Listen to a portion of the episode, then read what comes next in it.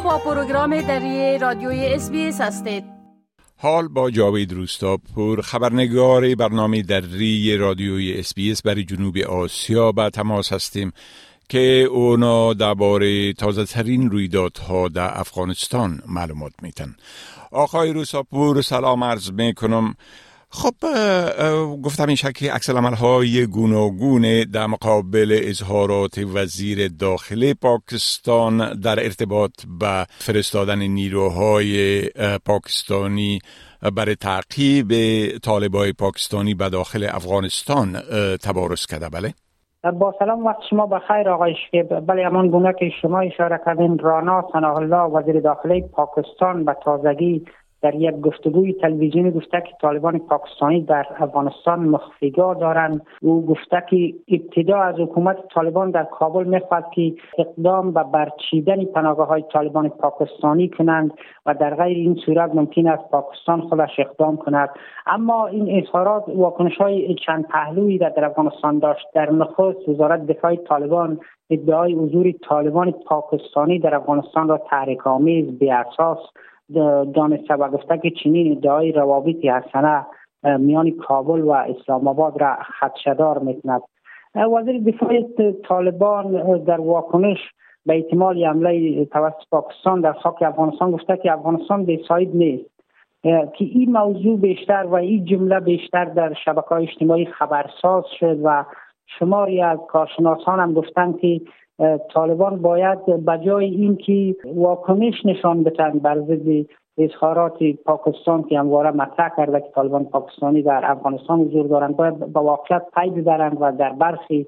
مناطق مرزی افغانستان طالبان پاکستانی عملا پایگاه دارند حضور دارند رفت آمد دارند و حملاتشان را بر پاکستان از اینجا اینا برنامه ریزی می‌کنن. شمار دیگه هم گفتن که فرق بین طالبان افغانستانی و پاکستانی وجود ندارد. طالب طالب است و اندیشه و باورش ایدئولوژی است و اینا در سر امو فکری را دارن که حکومتی که در کابل احیا کردن در اسلام آباد هم احیا کنن و طالبان در کل پاکستان را فرد میدن ولی پشت پرده اینا با هم تفاهم دارن و یک فکر و یک باور هستند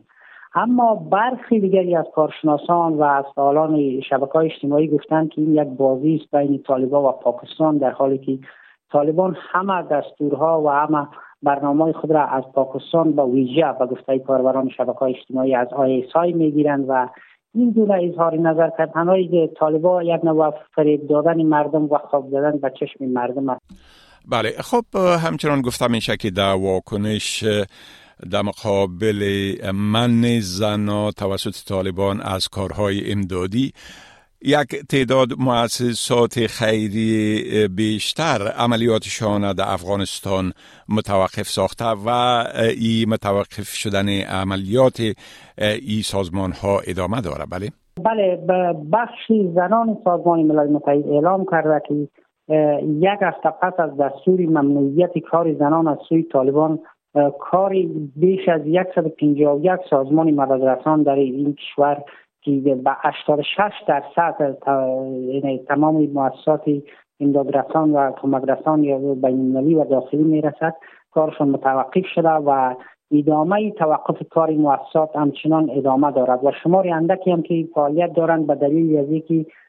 کارمندان خانم ندارند به عنوان بخشی از کاری از یاره به پیش می‌برند این هم کاراشان به گونه بسیار کند و از پیش میرد و فلج شدن. بر بنیادی بررسی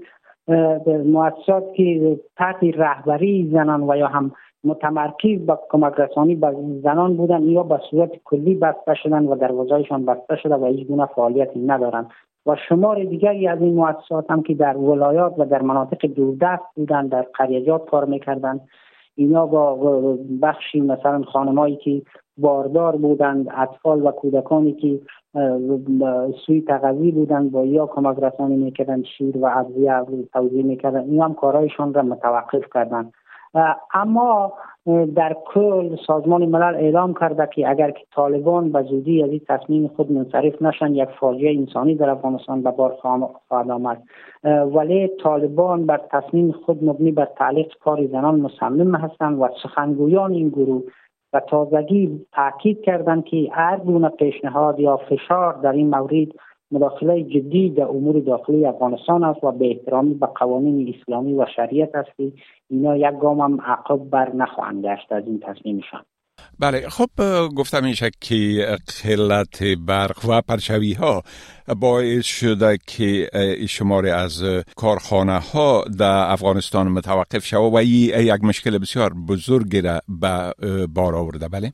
بله دقیقا افزون بر این که کارخانه ها متوقف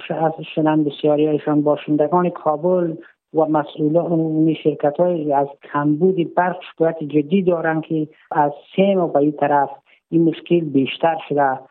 اما طالبان گفتند که قرارداد برق را با اداره برق ازبکستان امضا کردند. اما مسئولان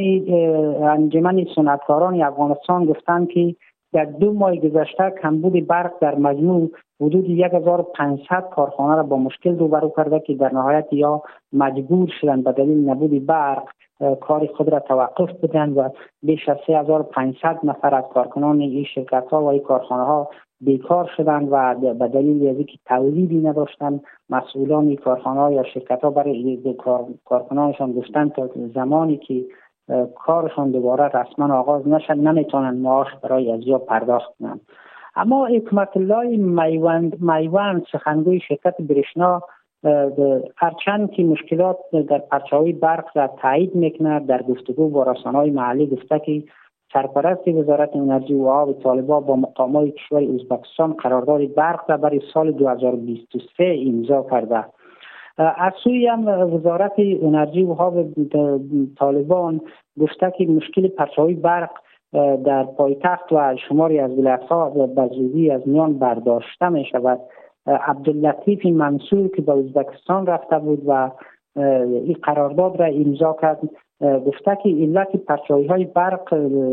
برای افغانستان برخواسته از مشکلات فنی در یک نیروهای برق ازبکستان بوده. اما جانب ازبکستان این موضوع را در یک توییت کوتاه رد کرده و گفته که ما برق را از 400 مگاوات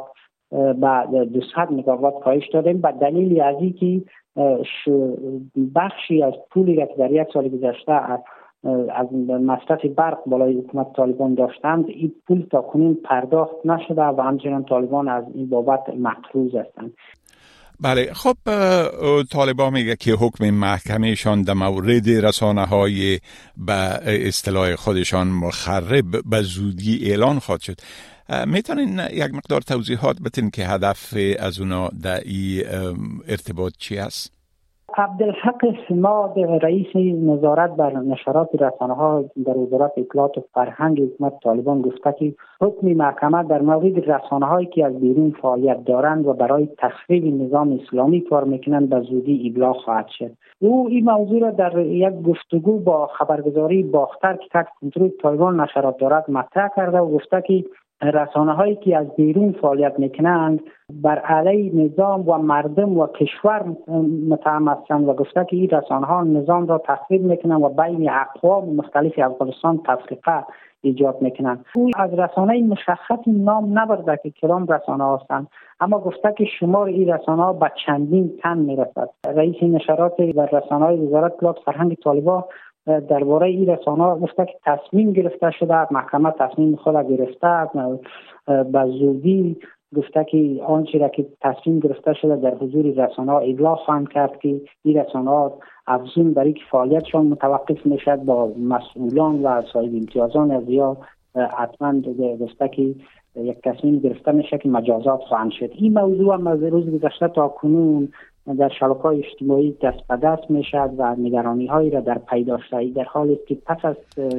تسلط طالبان بر افغانستان یعنی شماری از رسانه ها درخواست طالبان برای نشرات طبق میلی گروه را پذیرفته و فعالیتشان را از خارج از کشور پذیرفته و فعالیتشان را در داخل افغانستان مطابق آنچه طالبان فرمایش داشتن ادامه میدن بله. اما با, با این وجود هم در یک سال گذشته بر بنیاد گزارش ها بیش از نیم رسانه های افغانستان فلج شدن اما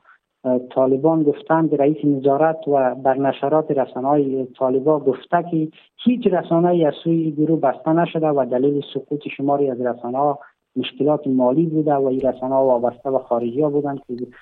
پولشان قطع شد و سایگاه از هم از افغانستان رفتن و کار رسانه رسانه خود را هم متوقف کردن بله خب بسیار تشکر آقای روستاپور از این معلوماتتان و فعلا شما را به خدا می سپارم و روز خوش برتان آرزو می کنم وقتی شما هم خوش خدا حافظ و ناصرتان. بپسندید شریک سازید و نظر دهید. اسپیس دری را در فیسبوک تعقیب کنید.